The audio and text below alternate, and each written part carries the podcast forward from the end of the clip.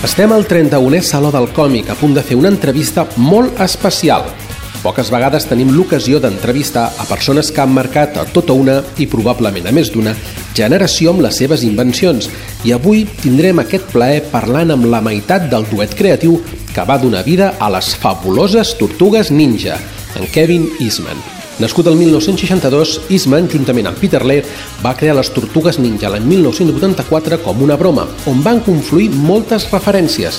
L'homenatge a Frank Miller i el seu Daredevil, Electra i Ronin, els grups de mutants i joves superherois com els Nous Titans i l'omnipresent Ombra de Jack Kirby.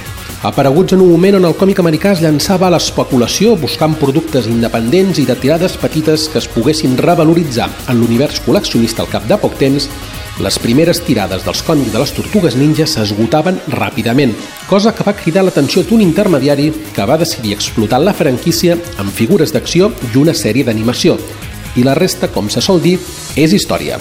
A un any vista d'una nova pel·lícula que arribarà als cinemes al setembre del 2014, la cadena Nickelodeon començarà les emissions a casa nostra de la nova sèrie d'animació que es presentarà durant aquest Saló del Còmic de la mà del seu productor en cap, Tiro Nieli, que també està amb nosaltres en aquesta entrevista. Kevin Eastman, gràcies per estar avui amb nosaltres. Oh, thanks for having me. Glad to be here. Com vas entrar en el món dels còmics? Um, you know, from the first Jack Kirby comic that I saw, I knew that that's what I wanted to do for a living. I was probably, geez, uh, maybe eight, nine years old. I had a paper route, and I would save my money and once a month go down to the local comic store and uh, comic shop and buy uh, as many twenty cent comic books as I could. And uh, Jack Kirby's Commandy in particular was one of the, one of my biggest influences, and that was pretty much it. At eight years old, I decided I want to do comic books for a living. Una cosa que ens agradaria molt saber a tots els que som fans de les Tortugues Ninja originals és saber com es passa d'aquí, de les quatre tortugues en blanc i negre, fins aquí, a les coloristes i ximpletes tortugues de la sèrie d'animació televisiva. Well, you know what's what's interesting is you know when when we started the comic in 1984, that was when the first issue was published. You know we didn't believe that would sell one single copy. Um, when that first printing sold out, we uh, then decided to try another one, second issue. You know suddenly a couple years later, we went from publishing 3,000 on number one to doing almost 100,000 copies by uh, Turtles number five. Um, that attracted attention to uh, of uh, uh, toy manufacturers and, and animation and agents that wanted to take it to do uh, uh, shows and, and products and, and make movies. And we had fully control of the property, so we kept working with them, and, and again, not believing it would make a good cartoon show, but we wanted to try to make the best cartoon show.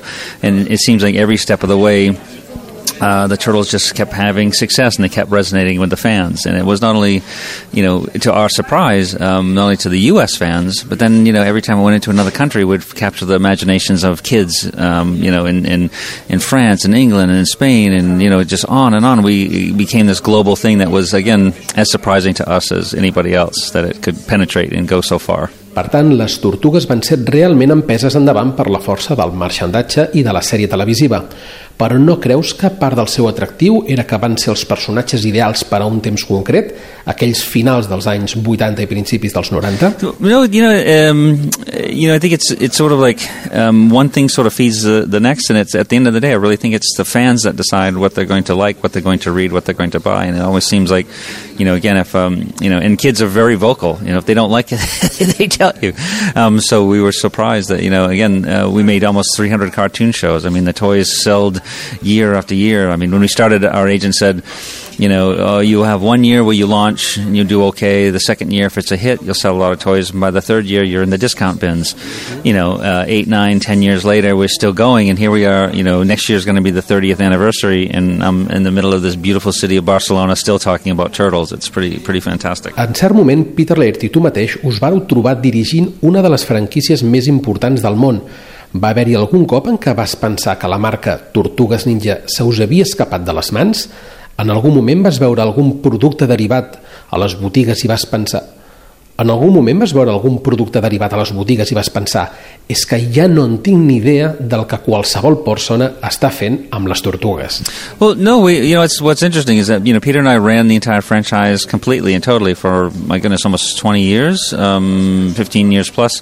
Um, and, uh, and that was, you know, we knew how lucky we were. We knew because our idols were guys like Jack Kirby and people like that that didn't get to have say in their many creations and didn't receive the benefits. So we knew how special and how fortunate we were to, to own and control a character. So we worked very, very hard. I mean, we went from in 1988, we were drawing 90% of the time and doing uh, spending 10% of our time doing business. The following year, it was the exact opposite 90% of our time doing the business and 10% of the time physically drawing. But we, um, we had to have complete say. We read every animation script, we had input on every, anim- every animation script, we worked on every single toy design, we worked on all the movies, you know, and the scripts and the things.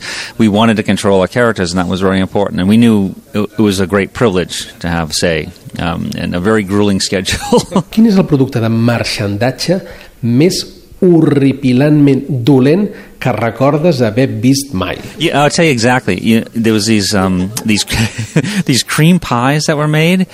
It was like Ciro loved them, but they were like um, these hostess pies, and they were like these um, as a pastry.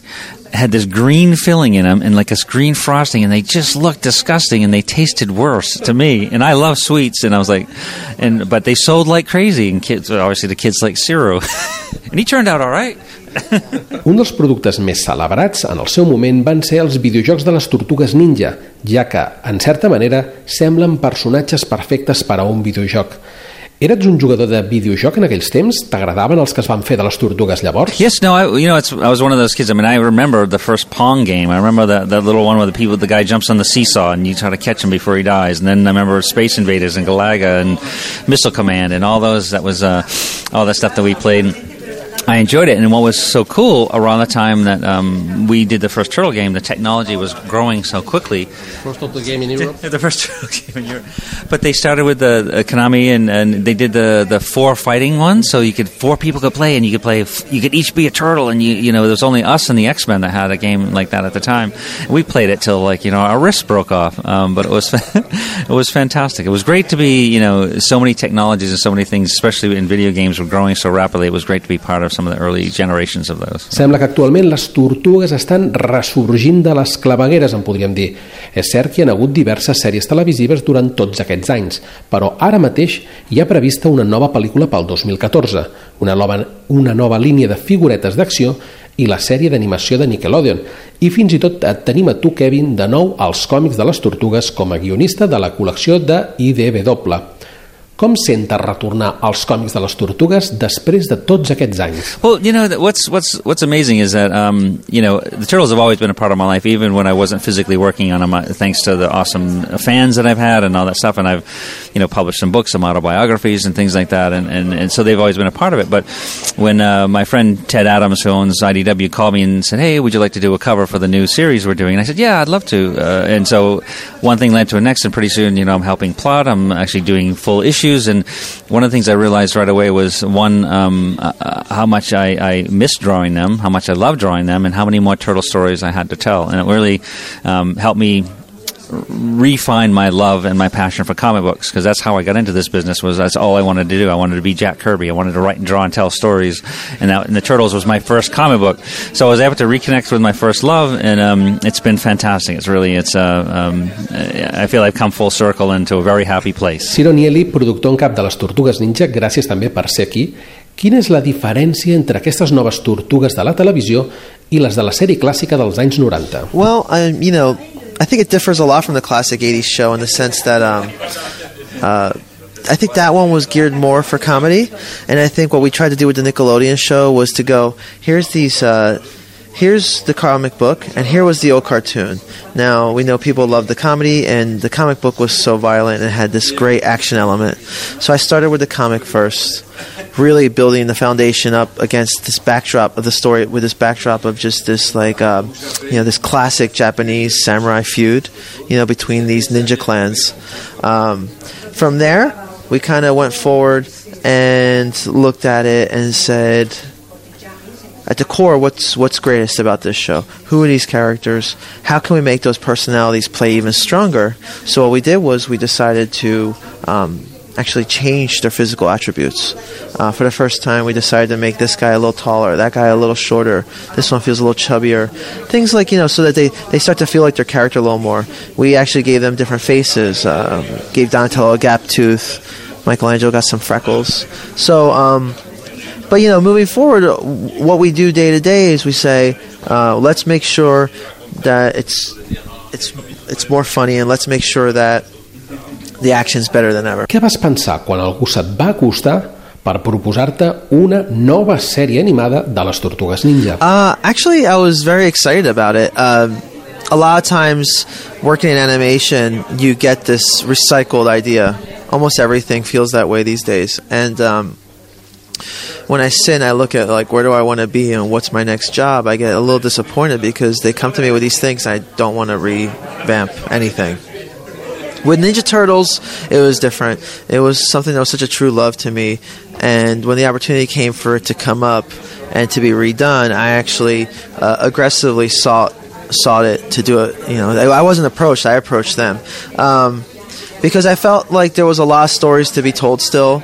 Um, I felt like I had a specific version of it, which really was kind of an amalgam of all of them that that would have both uh, served the property well, and also I think kids really need to see that version. I was actually very afraid that another version would happen, so I, I took it as a personal responsibility to make sure that I could get it out there, to get my version out there, um, um, because I, I was I was I was really afraid of, you know, especially with a company like Nickelodeon, you don't know what can happen and you know for someone to just say look at the 80s show and let's just exactly make that because that's what sold all the toys um, I- i'm not saying that that would have happened but if that did happen it would have been really sad because it's such a rich rich huge franchise i mean even just you mentioned it earlier even just the video games themselves have great storylines and are valid as a format of the show of the franchise so it's like and we look at all of that Uns personatges com les Tortugues Ninja per força han d'aixecar certa controvèrsia per la violència en un programa infantil, ja que per alguna cosa doncs, són ninjas i van farcits d'armament.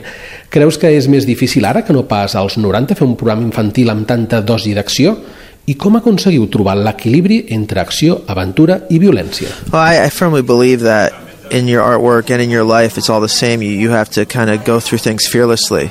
I mean, if I started thinking about how I would be edited and things like that before I actually even put something out, we'd already be losing. So I, first and foremost, um, you know, do what I think is right. Um, yes, the show can be seen as violent. I think the, the, the, the, the climate now with action in shows is kind of accepted. But I think with Turtles especially, um, we really make sure that what they're doing is just and that i in the context of the story, it actually, you know, comes full circle and actually plays a part. I mean, out of context, it might look terrible, but within the context of the story, it's very necessary.